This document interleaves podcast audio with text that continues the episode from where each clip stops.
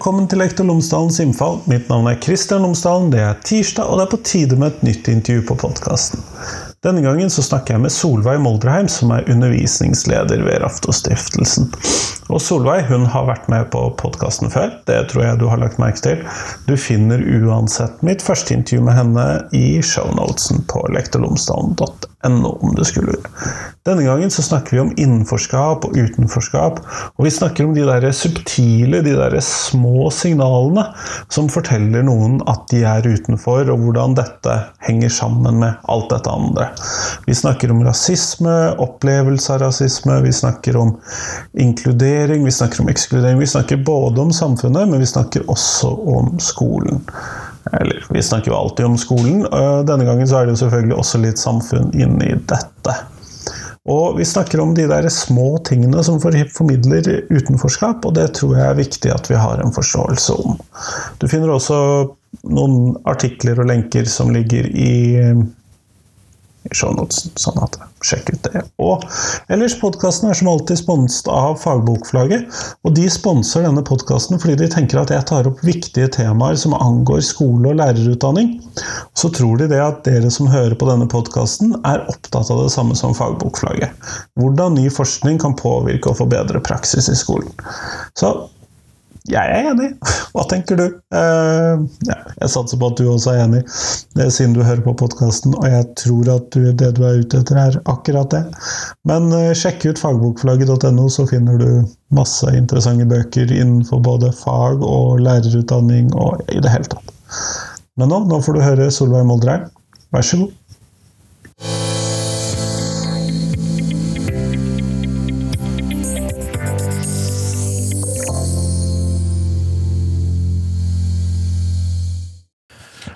Solveig Moldreim, tusen takk for at du har tatt deg tid til meg i dag. Det er, har jeg gledet meg til. Før vi kommer sånn helt i gang, Solveig, så hadde jeg håpet at du kunne fortelle lytterne mine tre ting om deg selv, som at de kan bli litt bedre kjent med deg. Ja um, Jeg tror jeg, jeg er Jeg tror jeg må erkjenne at jeg er ganske nerdete. Uh, jeg, jeg, er, jeg, har vært veldig opptatt av temaet rasisme egentlig helt fra jeg var sånn 14-15 år gammel. Så alle slags mulige varianter og versjoner og jeg er en, jeg er nerd. Det er jeg. Um, og så brygger jeg øl.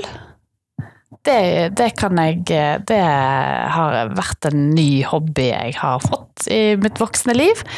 Og så er jeg veldig glad i å gå på eh, sånne korte fjellturer.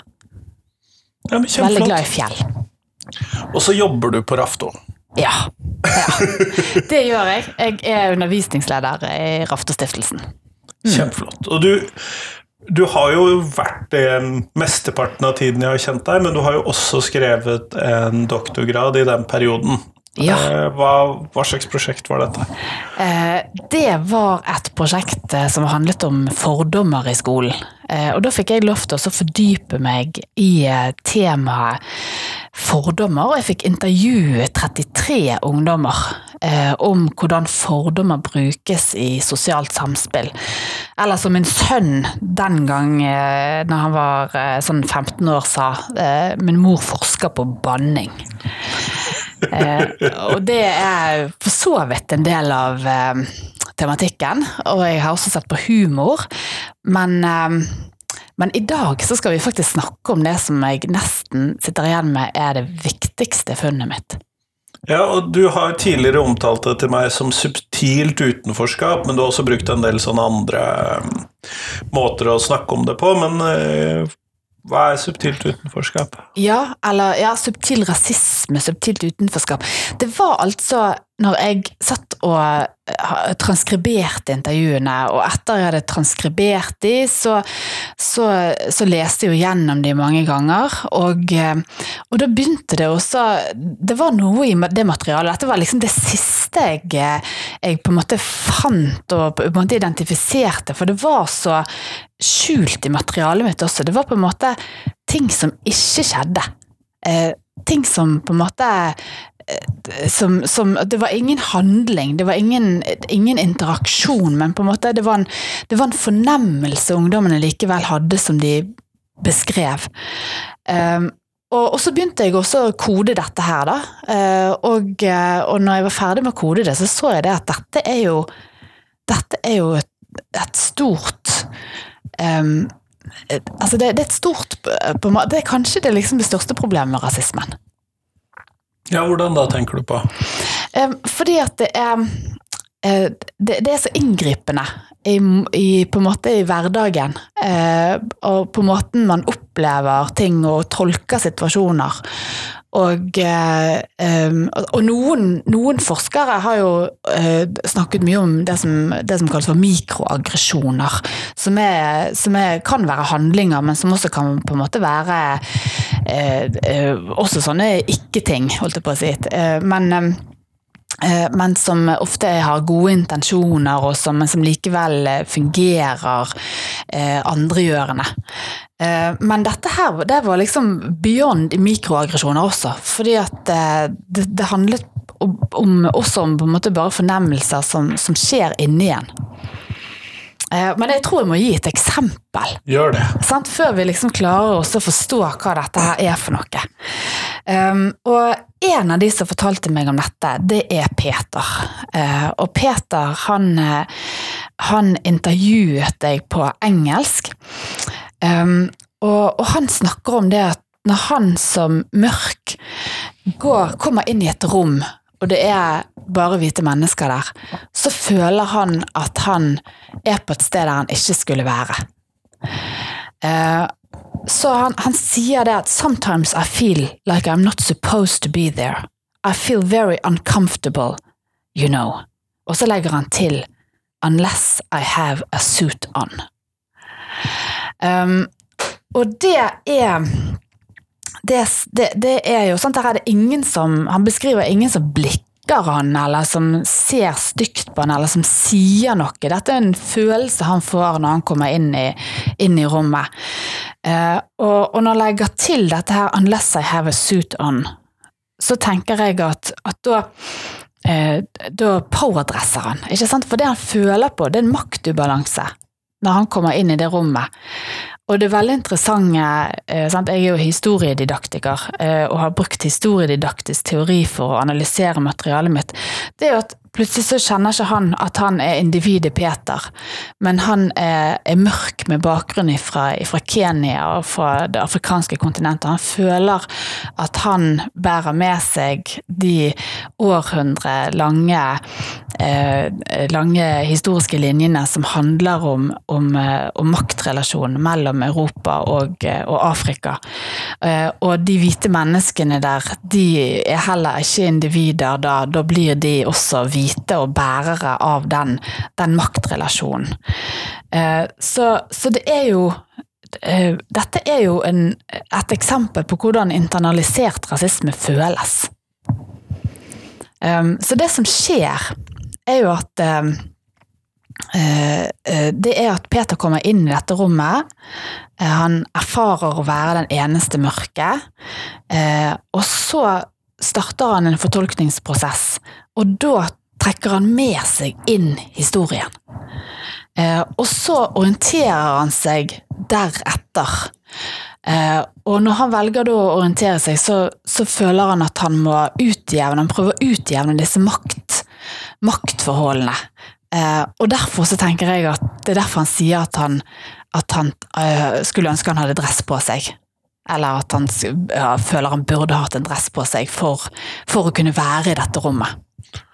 Noe av det samme har jeg sett i en del andre sammenhenger hvor det ikke nødvendigvis har med hudfarge å gjøre, men hvor alle sammen deler samme etnisk opprinnelse, men hvor som kanskje har med alder å gjøre, og hvor de yngre inn i sånne typiske dressmiljøer kler seg ganske skarpt og føler at de er nødt til å kle seg ganske skarpt, mens de godt voksne deltakerne, de som har en god plassering allerede i dette miljøet, kler seg mer avslappet. Mm, mm. Jeg har droppa ned skoene, droppa slipset, den typen I en del sånne dressmiljøer da, så ser jeg det ganske tydelig. Mm.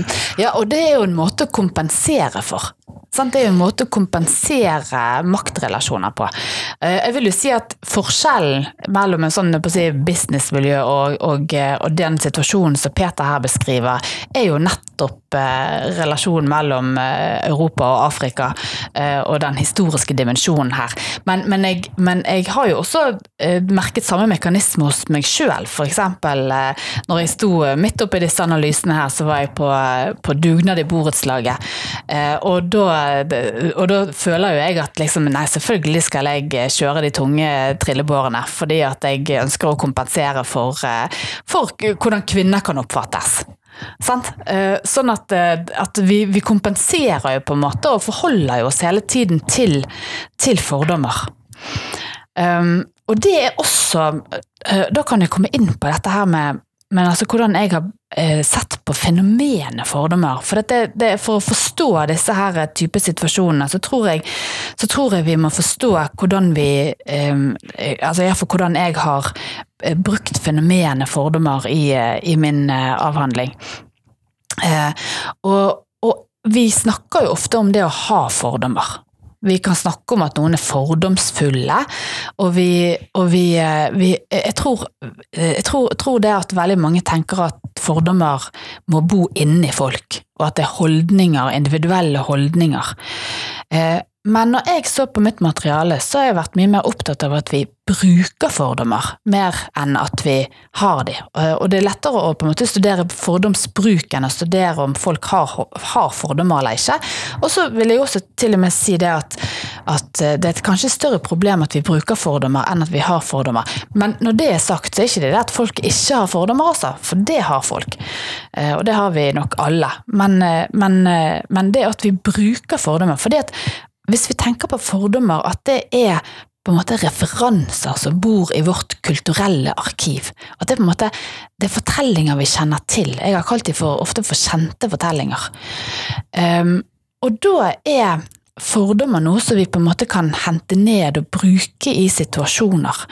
Og for å forklare litt hvordan det der kan fungere, så eh, en del av materialet mitt som handlet om humor, som ikke handlet om dette som vi snakker om her i dag, men et, det er et eksempel som kan godt illustrere dette her, da.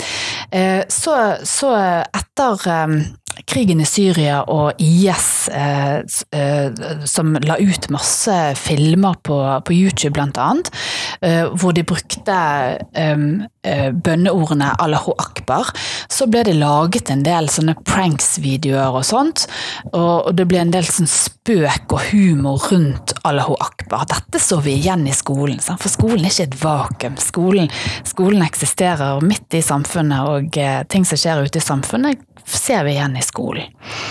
Sånn at jeg fikk mange elever som beskrev situasjoner til meg, som eksempel hvis de, hvis de hev en flaske eller noe sånt, så kunne de rope Allahu akbar, eller hvis det var noe som mistet noe tungt i gulvet, så det kom en høy lyd, så var det noen som kommenterte Allahu akbar. Og som følge av det, så var det mange som lo. Men Allahu akbar betyr jo Gud er størst, eller Gud er stor. Det er jo et det er ord som brukes i bønn. Sånn at for å forstå den humoren, så måtte man vite noe mer. Man måtte vite om på en måte at det fantes en, en, en, en, en connection på en måte mellom, mellom disse bønneordene, islam og terrorisme, og disse videoene. Sånn at, at alle de som visste om de, la oss kalle for kjente fortellingene, da, eller fordommene eh, knyttet til islam og terror, de ville forstå humoren. Og, og dermed så, så, kunne de le av, eh, av de spøkene som ble, som ble, eller situasjonen i klasserommet. Og da, Men det er ikke nødvendigvis sånn at alle som lo, tenker at muslimer er terrorister, eller at alle terrorister er muslimer. Eh, det, er, det, det, det, er, ikke nødvendigvis at, at, at de fordommene var emosjonelt forankret hos de som lo, men de, de på en måte de brukte fordommene. Altså det, er et eksempel på fordomsbruk. Eh, og, eh, og, på den måten så, så, kan vi se at vi er med på å reprodusere fordommene, ikke nødvendigvis at vi da har fordommene.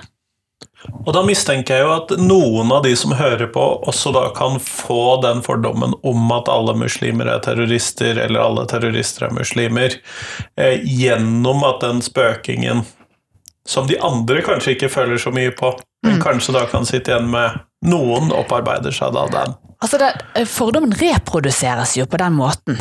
Sant? Altså, den reproduseres og blir en, på en måte en, eh, kanskje en forsterkning av den, eh, den eh, fortellingen som finnes håper jeg, der ute. Altså, som ikke eh, man nødvendigvis har hentet inn fordi at noen tror på den, men fordi at man vet at den finnes der ute. Og, veldig viktig, den kan krenke. Selv om den ikke er emosjonelt forankret hos de som bruker den. Fordi at de viser at man er villig til å bruke den. Sant? Og villig til å le på bekostning av noen. Um, men dette er sant? Grunnen til at jeg hadde lyst til å fortelle om akkurat dette med fordomsbruk istedenfor det å ha fordommer, det er det at sant? når Peter uh, går inn i det rommet, så er det jo faktisk Peter som bruker, tar i bruk fordommene. Sant? Uh, et annet eksempel, uh, det, er, det er Frank. og Frank Eh, han, eh, han eh, forteller litt om Frank. For Frank han har en pappa fra, fra, Norge og en mamma fra et vestafrikansk land. Og veldig sånn sporty type. Sports, flink i sport og flink på skolen. Veldig sånn trygg i, i seg sjøl, og han var en sånn type som elsker å få spørsmålet 'Hvor er du egentlig fra?' fordi at han liker å rokke folks forestilling av identitet. Eh, Frank han er litt sånn verdensborger. Jeg er ikke fra noe sted, jeg er internasjonal. Uh, så han, han syntes det var veldig, veldig Jeg oppfattet at han syntes det var veldig gøy å bli intervjuet om dette, dette temaet. For han, han, likte å snakke om identitet og om, om hans erfar egne erfaringer. Men så helt på slutten av intervjuet så, så spør jeg det om noe han har lyst til å legge til. Og så sier han nei, jeg tror ikke det. Altså, han holder på å ta på seg jakken, og liksom, det er liksom det er, vi, vi, driver og skyver på stolene og sånt og er klar for å gå. Men så stopper han, så sier han jo, kanskje. Det er en ting. Og så forteller han. Jeg er nødt til på en måte smile og constantly på en måte si at jeg er snill og hei, jeg er ikke farlig. Det at jeg må gjøre det hele tiden, viser at folk er redd for meg. Og så sier jeg ja, så du er ganske bevisst på måten du er det på, på grunn av den, grunn av den du er? Ja, og det er litt irriterende. Det er ikke alltid jeg kan gå rundt med en hette på. Ofte når jeg går inn i en butikk, blir jeg nødt til å ta av meg hetten, eller jeg er jo ikke nødt, men jeg tenker at jeg er nødt til å ta av hetten, sånn at folk ikke forfølger meg inn i butikken. Det var egentlig bare det jeg hadde tenkt å si. Og da også kompenserer han for antatte fordommer. Han forteller ikke om at det er noen i butikken som har sett stygt på han, eller, eller, noe sånt. Men han har jo da opplevd tidvis å bli forfulgt i butikken. Det har han nok opplevd, og så vet han at der ute, i Det kulturelle arkivet, vet ikke på en måte hvem som har disse fordommene, men han vet at det finnes fordommer knyttet til mørke, og helt konkret her, den fordommen han forholder seg til, det er, eh, det er altså mørke og kriminalitet. Og den forholder han seg ganske aktivt til når han går inn i en butikk. Så kompenserer han med å være ekstra hyggelig og smile ekstra masse. Eh, og, er, og da, er også, da er det også Frank som, som bruker fordommen, tar den i bruk.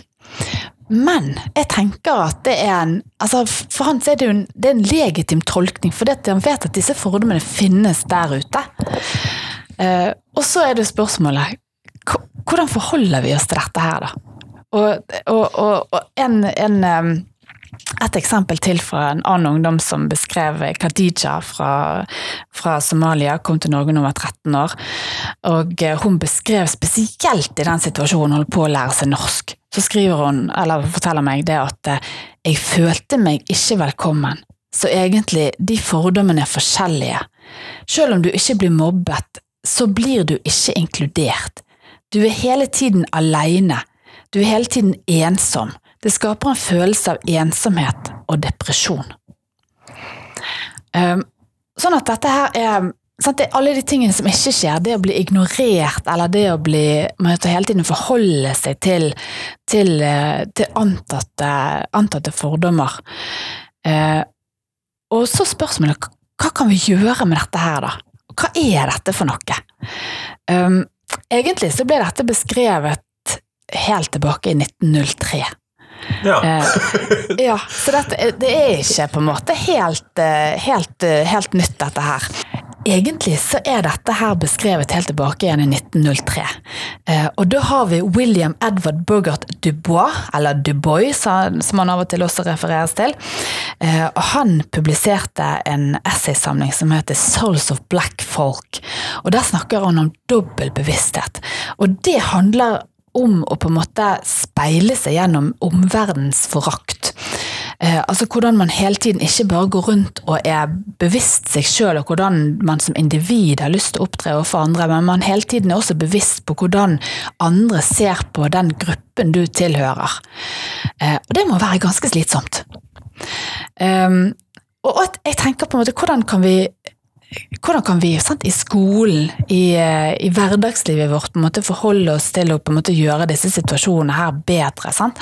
For én ting er at Peter og Frank og Khadija kan på en måte jobbe med seg sjøl og åpne opp for andre mulige fortolkninger og leite etter på en måte eh, folk som er, man kjenner er, er, er vennlige og som, og som, eh, som eh, ser på deg som, eh, som likeverdig, og som, og som, har lyst til å på en måte Det å på en måte sette et mer sånn Folk vil meg vel eh, i, i, i, hodet. Men det andre delen av det, sant? av de av oss som er hvite, eh, og, og, både meg og deg, Kristian, vi, vi, har mange identiteter, men vi er hvite. Eh, og, eh, og, det at vi blir aktive allierte Sant? At vi blir aktive antirasister. Det tror jeg kan være viktig. At, eh, at, vi, eh, at vi, er aktive. Mm. Ja, for som du sier, de, eller som du sier her litt først, er jo de kan jo bare lete etter dette, eh, etter mennesker som da vil dem vel, osv., men de eksisterer jo i et samfunn som med alle disse som også da har kommet med disse små tingene eller store tingene som da har blitt disse internaliserte fordommene de selv har, og disse uttrykkene som de selv peker på. Mm.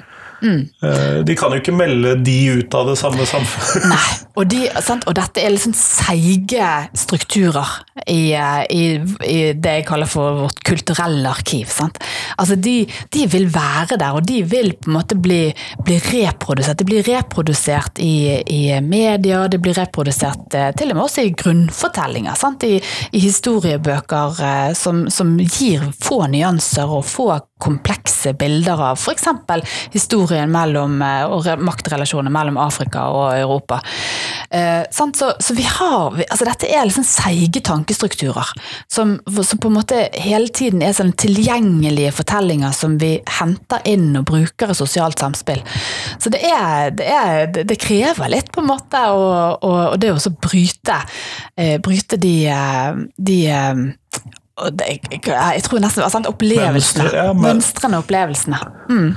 Men eh, når vi da skal jobbe med subtilt utenforskap i en skolesammenheng, for det er jo kanskje det som da blir det utfordrende eller det nødvendige, eller Jeg er litt usikker på hvilket mm. ord jeg skal putte på det. Eh, hvordan kan vi, bør vi, må vi tenke om da denne dette utenforskapet, denne rasismen, i skolen? Ja, altså jeg, jeg, eh, har jo veldig troen på f.eks. elevsamtalen. Det at, eh, at eh, og, og, og, overskriften, liksom usynlig overskriften her, er jo ofte læreres relasjonskompetanse. Sant? At, at man må jobbe Eh, jobber tett og godt med, med, eh, sine relasjoner til elever og spørre hvordan, hvordan, er det å være deg i klassen. Og det er også lov i en elevsamtale å spørre sant? Eh, du er eneste mørke eleven i klassen, hvordan er det å være mørk elev i, denne klassen for deg?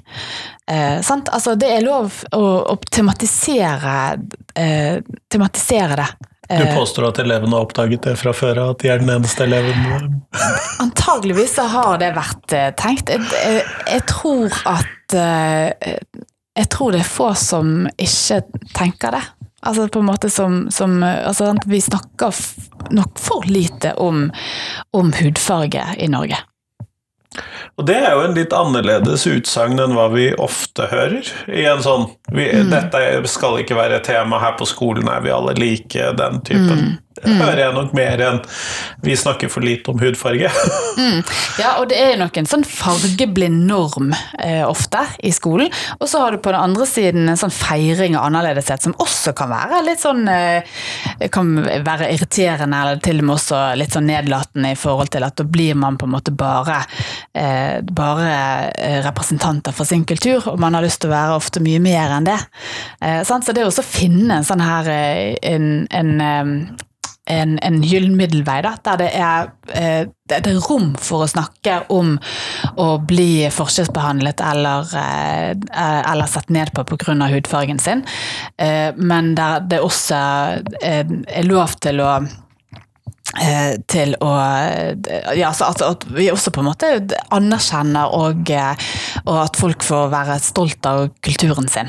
Eh, sant? Så, som, hvis det er et ønske. Sant? Ofte så står lærere i sånn damn if you do and damn if you don't-type situasjoner. Skal man trekke elever inn som representanter eh, for sin gruppetilhørighet inn i undervisningen, eh, og synliggjøre det, og på, feire det, på en måte, sant? Og, og gi en anledning til å være stolt. Eh, eh, eller skal, eh, kan det kjennes stigmatiserende og, eh, eh, og, og vondt og vanskelig. Sant? Og det er ikke ett svar på det spørsmålet. Eh, Det er Eller det vil si at svaret på det spørsmålet handler om relasjon til eleven, det å kjenne eleven sin. Og det, og, men da er man jo nødt til å da, som du sier, sette ord på dette i samtale med eleven og ha en dialog med eleven om det. da. Mm. Det tror jeg kan være, det tror jeg kan være bra. Mm. Det er jo noen skoler hvor elever med en ikke-europeisk bakgrunn utgjør en ganske stor andel av skolens elever. og sånn. eh, De du snakket med, for du har jo snakket med ganske mange ungdommer, var det en forskjell for dem om de kom fra et miljø med ganske mange med ikke-europeisk bakgrunn, eller var, det, var ikke det noe som ga noen stor forskjell? Altså, eh, min opplevelse er at, eh, at det finnes veldig mange forskjellige måter å forholde seg til det å være annerledes på, eller det å ha en annen kultur, kulturell bakgrunn. Og, bare som et eksempel på det å snakke om identitet eh, i materialet mitt, så har jeg, eh, så har jeg eh, tror jeg nesten like mange svar på det som jeg har intervjuet ungdommer. Sant? Jeg har en, en som jeg intervjuet, og første som jeg intervjuet, og hun Eh, og da hadde jeg sjøl er nesten litt sånn eh, altså Når jeg skal fortelle om dette her, så, så husker jeg veldig tilbake på hvor spent jeg var eh, før, før, jeg skulle Og jeg sto i, i, i kø på en kafé, og jeg hadde tenkt veldig nøye gjennom hvordan jeg skulle stille noen spørsmål om identitet. Og følte jeg sjøl at jeg hadde tenkt veldig nøye gjennom det spørsmålet. Og så, og så, og så, og så spurte jeg henne hvordan vil du beskrive hvor du kommer fra? Stilte jeg henne spørsmålet. Og så så hun rart opp på meg, og så sier hun til meg Du kan bare kalle meg for en utlending, altså. og da skjønte jeg på en måte at jeg hadde jo i det spørsmålet så hadde jeg altså bare, bare det å stille det spørsmålet, så hadde jeg antatt at hun ikke hadde samme identitet som meg fra Bergen, sant? for eksempel. Eh, og, og, og, hun beskrev seg sjøl som en veldig sånn stolt utlending, men hun var jo født i i, i, i, Norge. Hun fortalte til og med at hun hadde bunad. Og, men hun, hun, var veldig opptatt av at hun var fra, fra Kurdistan. Og så har jeg andre ungdommer som har vært som, som som har sagt at jeg, jeg er født i en europeisk hovedstad. Jeg er oppvokst i, i Bergen, men jeg er opprinnelig fra Marokko. Eh, Som, eller du har Jeg er herfra, men foreldrene mine er fra Somalia. Eh, så det er, det er, veldig mange ulike svar på det spørsmålet der. Eh, og det tror jeg illustrerer at det er veldig mange måter å forholde seg til det å ha en annen hudfarge enn majoriteten, eller en annen kulturell bakgrunn enn majoriteten. Så, så det og så er det jo det som er jo nettopp også feilen med mitt utsagn, er jo det at hvis man da antar at ikke-europeisk bakgrunn er eh, den samme bakgrunnen Hvis ja. man sier er den eneste vest, med, vest, med, foreldre født i Vest-Afrika, mens alle de andre med afrikansk bakgrunn er født i Øst-Afrika, så er det ikke gitt at man akkurat har noen store kulturelle eh, sammenf sammenfall. Nei, det er jo eh, sant, altså det er jo eh, tror jeg på en måte man skal, man skal, ut av Afrika for å se på Afrika som et kontinent. Sant? Fordi at når man er oppvokst i Det er jo som, eh, som, eh, som Irene Kununda sier, eh, at hun så aldri på seg sjøl som afrikaner før hun kom til Norge. Sant? Ja. Hun er fra Kongo. Mm. Ja. Uh, og du trakk jo fram en person da med opphav i Kurdistan nettopp. Jeg mm. mistenker at de ikke alltid er like glad for å bli klumpet sammen med andre mennesker med eh, asiatisk bakgrunn. Eh, eller irakisk bakgrunn. Mm. Eller, jeg mistenker at det ikke alltid er like populært. Mm. Det tror jeg eh, du har rett i. Mm. Men samtidig, nordmenn som da har svensk bakgrunn, liker jo ikke å bli sammenlignet med dansker, eller vil kanskje fremheve en eller annen identitet som en del av det. Så det burde jo være kjent for oss. ja, sant. Ja. Det er jo i inngruppene man ser de store nyansene, mens man i utgrupper ser eh, ofte eh, likheter. Mm. Og det er jo en utfordring når vi da som lærere, fordi at vi som lærere da skal møte dette, eller jobbe med dette, eller snakke med disse elevene om for å finne ut hvordan de har det i klassen, f.eks., eller noe sånt, så må vi jo vi må jo da klare å se forbi våre egne fordommer eller gruppetenkninger eller sammensetninger eller Ja. Mm. Det er jo den store utfordringen i det, tror jeg. En, mm. en av de. ja, det er eh, Jeg eh, jeg tror jo på det at eh, det å snakke godt sammen, og det å heller ikke på en måte la elevene får inntrykk av at du tror at man klarer å fremstå som fordomsfri, men er rett og slett på en måte bare eh, innrømme når man har vært forutinntatt og antatt noe som, eh, som viser seg å være veldig eh, feil. Så tror jeg på å være ærlig og, og, og si fra og, og si unnskyld. Mm. Ja, men du har da snakket om elevsamtalen som en av måtene å jobbe med dette. Er det noen andre ting du tenker at er viktig når vi skal prøve oss å snakke om dette, eller jobbe med dette, eller motarbeide dette i klasserommet? Mm. Jeg tror vi alltid kan bli bedre på å å tenke kritisk gjennom hva slags vi-er vi bruker. Altså vi, sant. Altså når vi snakker om, og det, det finner man også veldig i lærebøker, hvem er vi-et? Er det, Snakker man ut ifra et norsk vi? Eh, snakker man ut ifra et eh, europeisk vi?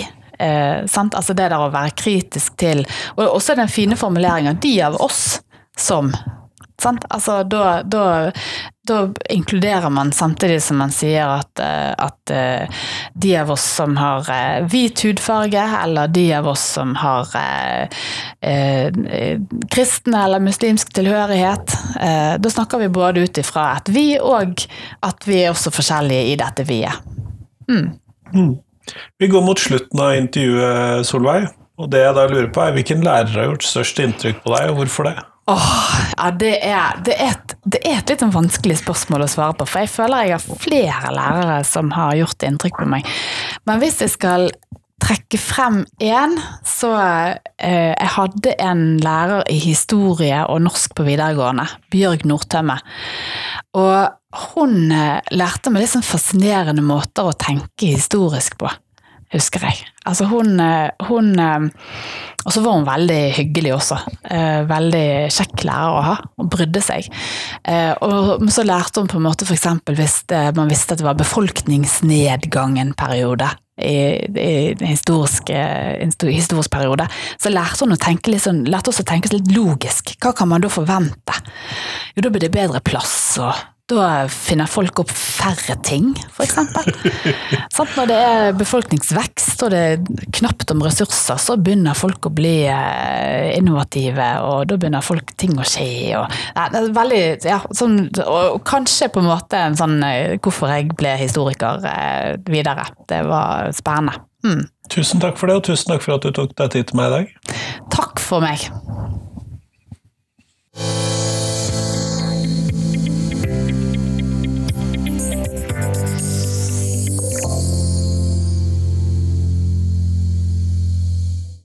Tusen takk til Solveig, og tusen takk til deg som hørte på. Nå håper jeg at du er skikkelig inspirert til å ta tak i det Solveig snakket om. Det håper jeg etter mange episoder vi har med på podkasten. Men jeg håper også at du er skikkelig inspirert til å dele denne podkasten min med noen som du tror at vil sette pris på den. Det vil gjøre meg utrolig glad, i hvert fall hvis du kunne gjøre det. For vel, jeg er stolt av produktet mitt, og jeg håper at mange har lyst til å høre på det. Og det er kjempegøy at rundt 200 000 mennesker hører på denne podkasten, eller 200 000 avspillinger hvert eneste år. Så kan det jo selvfølgelig være at noen av dere hører på alle episodene hele året mange ganger, og dermed utgjør en stor andel, men jeg tror egentlig ikke det. Jeg mistenker at de fleste hører en episode en gang imellom, eller en episode ofte. Um, men ikke mange ganger i året. Men i hvert fall, jeg syns det er utrolig gøy at podkasten har 200 000 avspillinger sirkus sirkus i året. Og jeg håper at eh, det kan bli enda flere som hører podkasten. Det vil jeg synes var veldig gøy.